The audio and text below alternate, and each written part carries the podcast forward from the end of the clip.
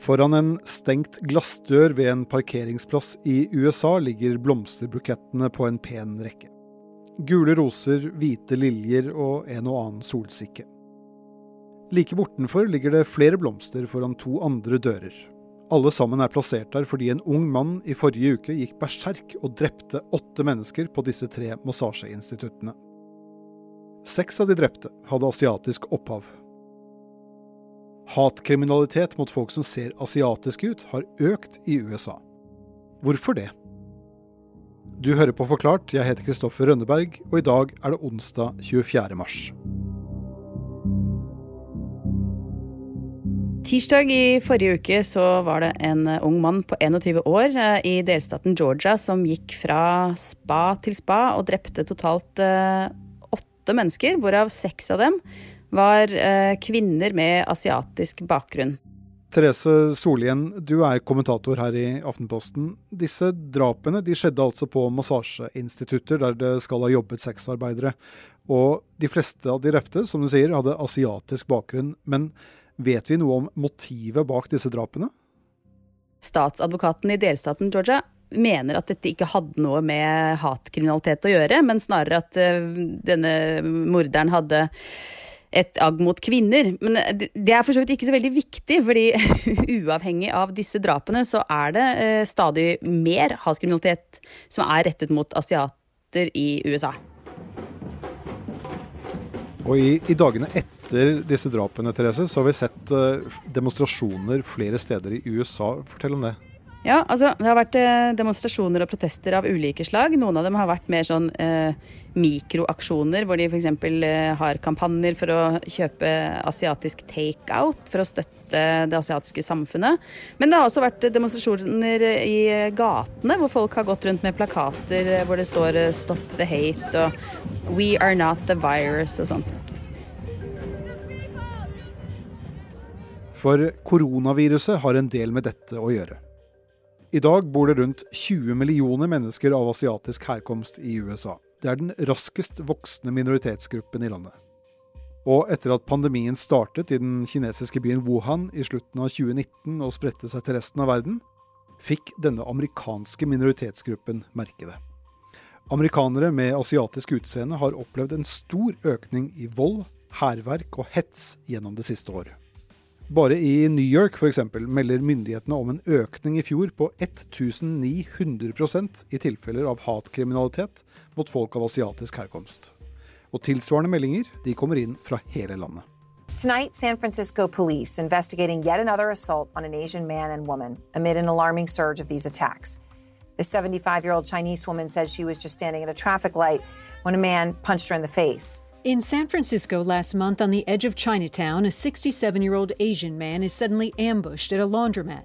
Surveillance video shows the terrifying moments as he's dragged to the ground. A 75 year old Asian man out for his morning walk, attacked, robbed, knocked to the ground, and left for dead.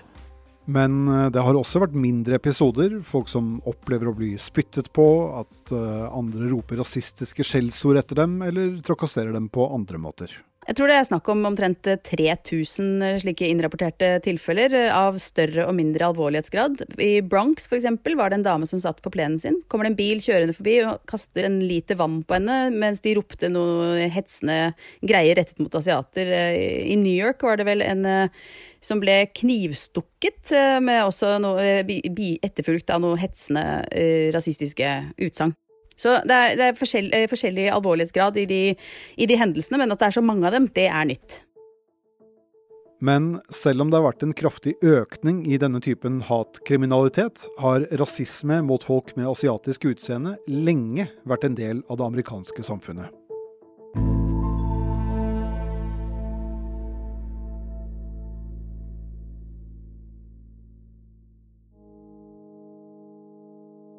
Noen av de første asiatiske innvandrerne til USA var kinesiske arbeidere som bidro til å bygge jernbanen som knyttet østkysten og vestkysten sammen på 1860-tallet. Til sammen deltok rundt 15 000 kinesiske innflyttere til dette enorme prosjektet. De fleste av dem fikk dårlig betalt og ble behandlet som annenrangs borgere. Frykten for at det skulle bli for mange arbeidere fra Kina, gjorde at amerikanerne på slutten av 1800-tallet vedtok en egen lov for å forby kinesiske innvandrere. Først på 1920-tallet ble dette lovverket myknet opp. Men frykten for folk som så asiatiske ut, den tok ikke slutt. Da USA gikk til krig mot Japan under andre verdenskrig, ble amerikanere av japansk opphav plassert i konsentrasjonsleirer. Og helt fram til i dag opplever mange med asiatisk bakgrunn i USA at de blir behandlet som annerledes, og at de settes i en stor felles bås, selv om de opprinnelig kommer fra et stort mangfold av ulike kulturer. Også de, som alle andre, er delvis påvirket av fortiden de kommer fra.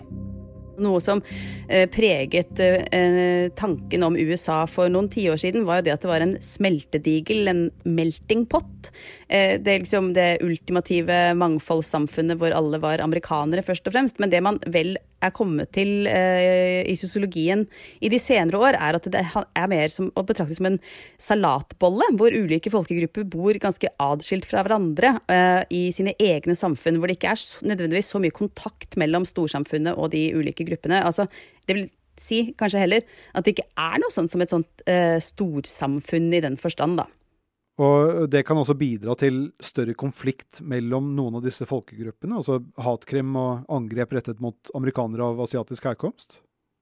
Det jeg tror eh, man kan si, er at hvis man skal i noen grad lykkes å dehumanisere en gruppe, så eh, fordrer det at det er ganske lite kontakt mellom den som dehumaniserer og den som blir dehumanisert. Og slik at det, Disse segregerte samfunnene det, de tilrettelegger ganske godt for at, for at, man ikke forstår hverandre noe særlig. Det, det kan man vel si.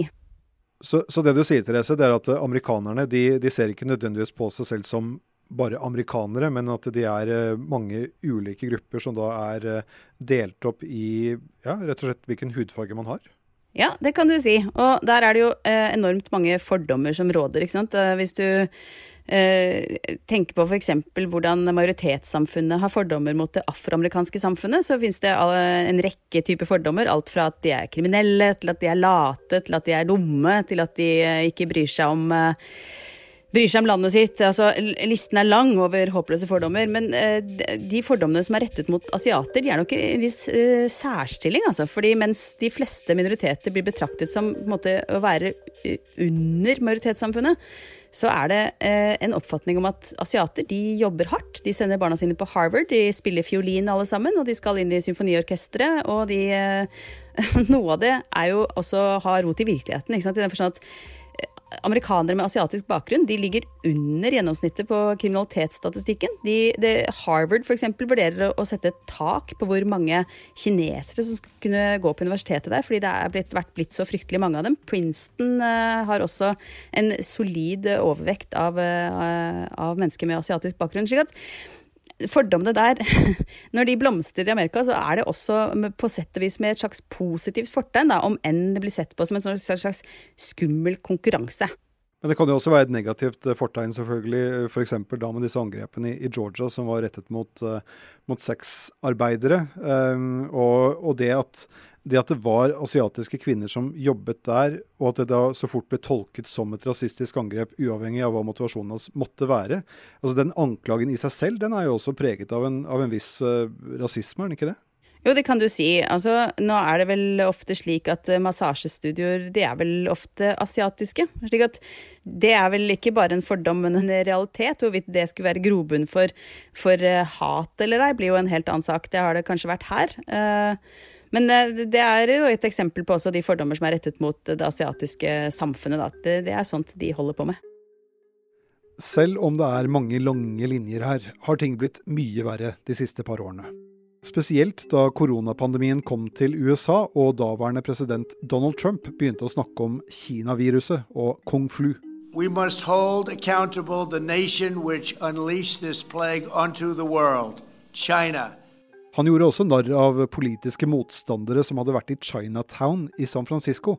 Og dermed skapte han en forbindelse mellom koronaviruset og amerikanere av asiatisk opphav. Eh, det er vanskelig å si eh, Altså, det er alltid vanskelig å snakke liksom, om kontrafaktisk historieskrivning. Hva ville skjedd hvis, eh, hvis, det hadde vært en annen president i det ovale kontor enn Trump i det tidsrommet? Ville det blitt mindre rasisme rettet mot amerikanere med asiatisk bakgrunn da? Det, kanskje. Det, man kan jo i hvert fall si at han, at han er jo vulgær og plump og har brukt enhver anledning til å snakke om the China virus og kung flu og alt det der. Eh, på sitt sedvanlige mobberaktige vis. Eh, må, jeg tror man ikke tar munnen for full hvis man sier at det ville nok i hvert fall ikke vært noe verre med en litt mer smakfull president eh, i Det hvite hus, da. Og så, Therese, Uttrykk som Kina-viruset, Flo, flu, det er jo i utgangspunktet ikke mer rasistisk enn å si spanskesyken eller eh, den britiske mutasjonen av koronaviruset. Hvorfor blir det likevel oppfattet som rasistiske uttrykk av eh, folk som har asiatisk opphav i, i USA? Jeg tror det er to ting. For det første så, er, eh, så har Kina vært en målskive for Trump helt systematisk helt siden han begynte å lansere sitt kandidatur til presidentskapet. Men det handler jo også om at amerikanere er nærmest hyperbevisst på alt som har med rase å gjøre. De har et ganske annet forhold til, til raseterminologi enn det vi har i Europa. Ja, på hvilken måte da? Jeg tar noe så banalt som eh, US Census, da, som er folketellingen som skjer i Amerika eh, hvert eh, tiende år. Der blir man jo bedt om å oppgi hvilken rase man selv mener seg å tilhøre. Altså, Hvis vi hadde holdt på sånn i Norge i dag, og skulle spurt liksom, ja, tenker du på deg selv som hvit eller sort eller eh, ikke sant? Vi ville jo synes det var veldig eh, merkelig og egentlig ganske tåpelig eh, og kanskje også ganske fornærmende, men i Amerika så er det helt vanlig. Og man fyller det inn i alt fra skolesøknader til universitetssøknader til til og med kanskje også overfor arbeidsgivere å vektlegge hvilken rase man mener seg å tilhøre. Så det er et, et annet tema, på, på godt og vondt. Kanskje mye vondt, da. Og denne amerikanske raseforståelsen det er vel kanskje også en av grunnene til at uh, Trumps eh, angrep på Kina er blitt satt inn i en, en, sånn rasistisk kontekst i USA. Men hvorfor var Trump så opptatt av å plassere skylden nettopp hos Kina? Hva var, hva var sammenhengen der? Det jeg tror man kan si, er at uh, uansett hvem som hadde vært president i tidsrommet, så gikk det mot eh, en stadig større eh, forskyvning av Kina fra å være en slags alliert, eller i hvert fall en eller annen eh, harmløs slags u-land som drev og kjempet seg oppover, til å bli en sterk konkurrent. Og kanskje også til og med anta etter hvert et slags fiendebilde. Altså Kina har de siste årene hatt en enorm økonomisk vekst og dermed gått fra å være en litt, eh, om enn stort land, men en ganske ubetydelig skikkelse i det internasjonale samfunnet, til å bli en, en, eh, en, en kjempeviktig konkurrent. Er i ferd med å dra fra USA som verdens største økonomi, og de har allerede skaffet seg verdens største militære flåte. slik at eh, det, og det stormaktsspillet som foregår i bakteppet her, det, det kommer man ikke unna uansett. Og at, at Trump var opptatt av å sette sette halen på grisen eh, og si at mye av det som eh, har skjedd i form av utflytting av industri, utbytting av konkurranse, eh, valutamanipulasjon osv., det, det har han jo helt rett i. At har, Kina har styrket seg på at USA har svekket seg. Det, så det ville ha kommet uansett. Men det er klart, Trump omtalte det hele på en måte som verdenssamfunnet kanskje ikke helt var vant med, da. Og problemene mellom disse to landene Therese, de forsvant jo ikke med Trump. De er der også nå som Joe Biden er president. Men nå har det jo i hvert fall blitt et tema at mange med asiatisk utseende i USA blir uglesett og utsatt for hatangrep. Altså, vil det at man snakker åpent om dette nå, kanskje bidra til å gjøre ting bedre i USA? Altså det man kan si, er i hvert fall at uh, Trumps måte å omtale Kina på, uh, har nok ikke skapt noe mer behagelig klima for asiater i USA. Som nok er gjenstand for å bli eh, skåret over én kam i mange sammenhenger. Men når det er sagt, så tror jeg man skal være litt forsiktig også med å liksom se en direkte linje fra storpolitikken og ned på det som skjer på gateplan. Altså at en tufs kjører rundt i Bronx og kaster vannflasker på folk som ser asiatiske ut, og roper eh, hetsende ting det, det, er ikke sikkert at det, er, at det, henger så tett sammen. Og jeg tror det eh, er vanskelig å få bukt med, med sånne type hendelser rent politisk. Og jeg, til syvende og sist er jeg også litt bekymret for at det enorme fokuset på rase i USA eh, kan gjøre vondt verre.